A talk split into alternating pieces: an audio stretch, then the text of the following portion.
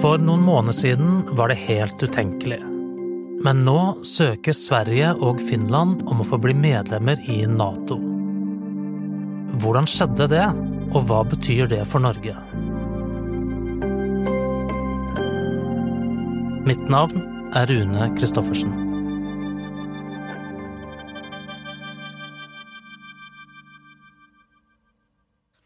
I warmly welcome the requests by Finland and Sweden to join NATO. You are our closest partners, and your membership in NATO Dette klippet er bare noen dager gammelt. Natos generalsekretær Jens Stoltenberg snakker om at militæralliansen på rekordtid får to nye medlemsland. Etter Russlands invasjon av Ukraina har den sikkerhetspolitiske situasjonen endret seg dramatisk i Europa. Denne uken ble det klart. Både Finland og Sverige søker om Nato-medlemskap. Kommentator Stig Arild Pettersen i Bergens Tidende var nylig i Stockholm og Helsingfors for å lodde stemningen. Hvordan har synet på Nato endret seg de siste månedene? Det har endra seg dramatisk, og det har endra seg veldig, veldig fort.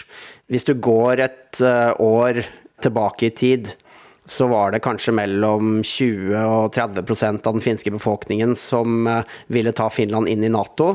Nå er det på 75, 76, 77% av befolkningen. Bare 12% sier nei i den siste målingen jeg så.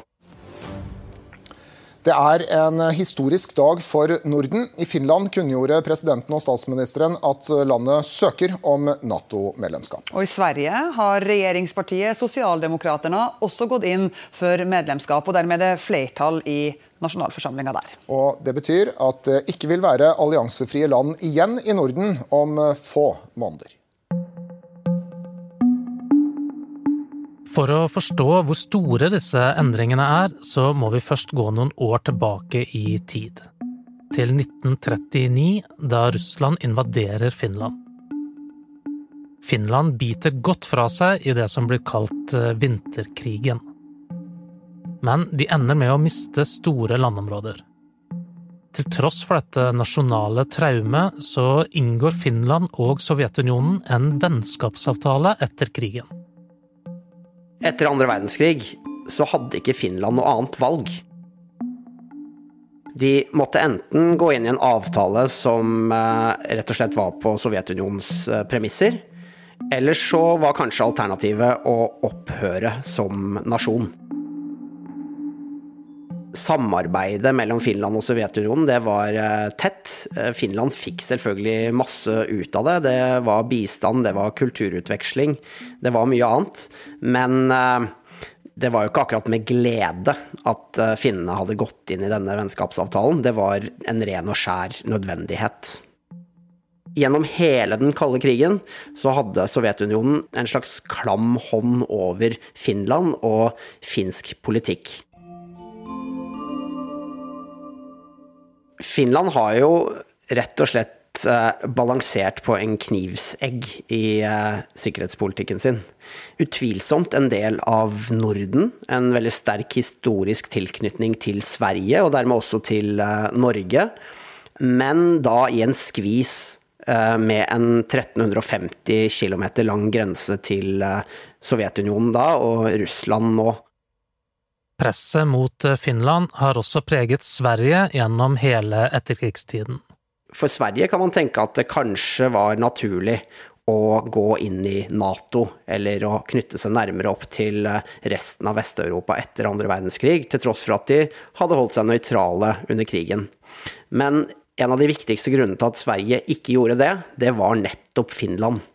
De ville ikke at Finland skulle bli stående alene i presset fra Sovjetunionen.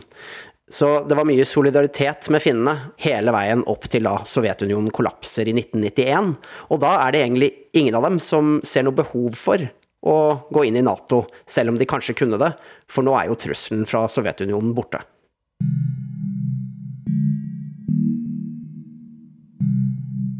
Men du mener at uh, svenskene i virkeligheten kastet nøytraliteten på båten for lenge siden?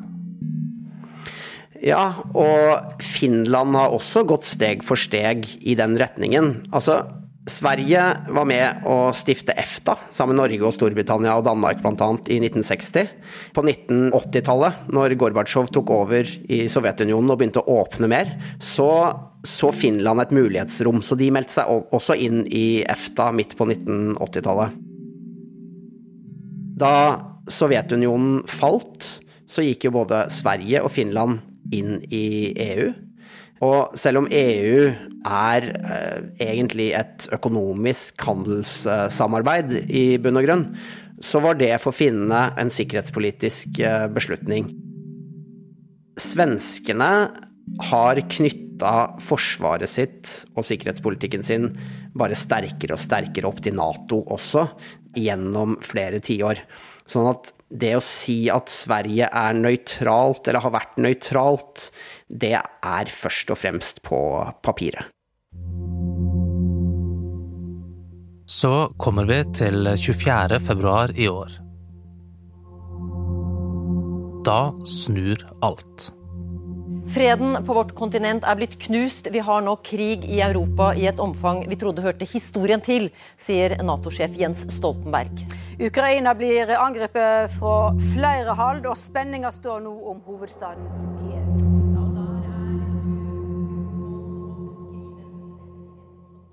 Da så man plutselig at det fins en trussel i nabolaget, og man kan ikke stole på Russland lenger. Selv det kommunistiske Sovjetunionen ble sett på som en mer forutsigbar og dialogvillig aktør enn det Putins Russland vurderes som i dag. Eh, og det sier ganske mye, tenker jeg. Jeg spør Stig Arild om erfaringen fra vinterkrigen har gjort finnene mindre naive enn resten av Norden i synet på Russland. Finland har definitivt den sterkeste hæren, og du kan si det sterkeste forsvaret i hele Norden.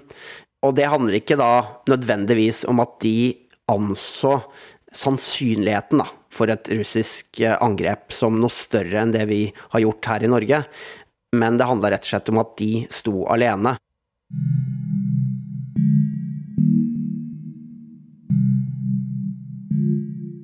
I Finland er Nato-medlemskap blitt et folkekrav, sier Stig Arild. Politikerne har på mange måter fulgt etter folket. Nato-støtten i Finland er nå veldig, veldig solid. Og det gjør jo bl.a. at det ikke har blitt avholdt noen folkeavstemning da, om et så viktig spørsmål. Vi skal bare tilbake til desember, altså et halvt år, for eh, at eh, president eh, Sauli Ninistø i Finland uttalte helt konkret at hvis Finland noensinne skulle bli medlem i Nato, så måtte det skje gjennom en folkeavstemning. I Sverige er det motsatt, sier han. Der er det politikerne som har ledet an, men også der har oppslutningen om Nato vokst voldsomt. Jeg spør Stig Arild hvorfor det er nærmest umulig for Sverige å bli stående utenfor når Finland blir med i Nato. Han sier at det er fire grunner til det. Først og fremst så handler det om sårbarhet. Sverige blir mer sårbar hvis det står alene. For det andre så har argumentet om å være solidarisk med Finland forsvunnet.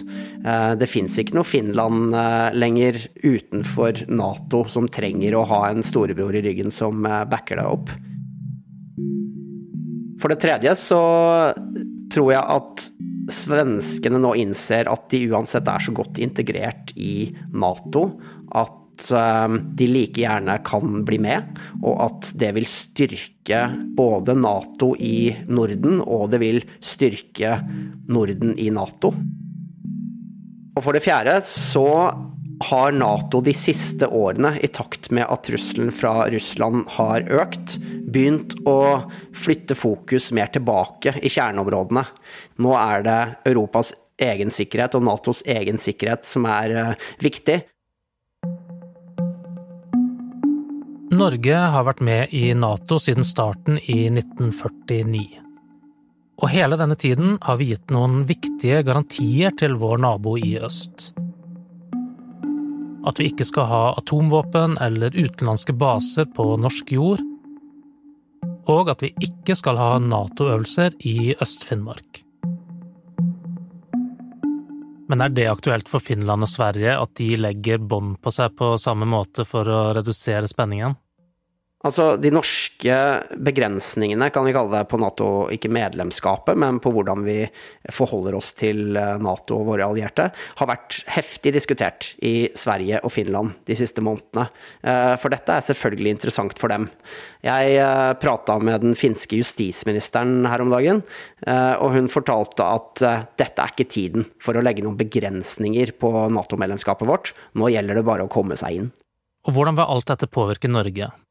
Ehm, med Finland og Sverige som Nato-medlemmer, så er Norge tryggere, i alle fall på litt lengre sikt. På kort sikt så vil det øke spenningen i Norden, men i praksis så har Russland hendene fulle i Ukraina nå, og utgjør dermed i praksis ikke noe stor trussel lenger nord. Det mange eksperter peker på som en veldig stor fordel for Norge, er at Norden blir et strategisk område, som det heter. Det blir mye lettere for Nato å operere i Norden.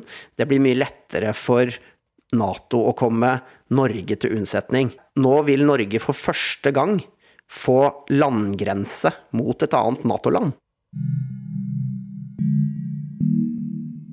Og ikke minst så får Norden og Nord-Europa og våre verdier og vårt levesett en mye sterkere rolle i et Nato som vi skal huske på også inkluderer Erdogans Tyrkia, Orbans Ungarn, et USA som eh, plutselig kan finne på å gjenvelge Donald Trump til en ny presidentperiode.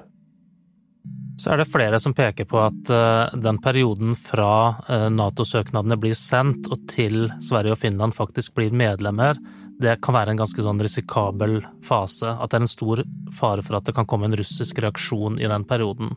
Hva tenker du om det? Det er det vi kaller for den såkalte grå perioden. Og det er en sårbar periode. Og det er grunnen til at både Nato og de to søkerlandene Sverige og Finland nå har forsøkt å få denne prosessen til å gå så kjapt som mulig. Hva slags reaksjon kan vi vente oss fra Russland, da? Vi har allerede sett dem. Russland har allerede flere ganger krenka finsk eh, luftrom bare de siste ukene. Cyberangrep, selvfølgelig, dataangrep, er noe som pågår kontinuerlig, og som vi kan forvente mer av. Men uh, man har faktisk sett mindre økning i dataangrep enn det man kunne frykte så langt. Så det spørs også om uh, det er der Russland ser helt behovet for å sette inn kreftene nå. Det som skjer videre nå, er at eh, søknadene skal godkjennes av nasjonalforsamlingen i alle de 30 medlemslandene i Nato. Det kan ta litt tid, så trolig så blir Finland og Sverige medlemmer tidligst mot slutten av året. Hva skjedde? er en eh, podkast fra Bergens Tidende. Og denne episoden er laget av eh, Anna Offstad, Henrik Svanevik og meg, Rune Christoffersen.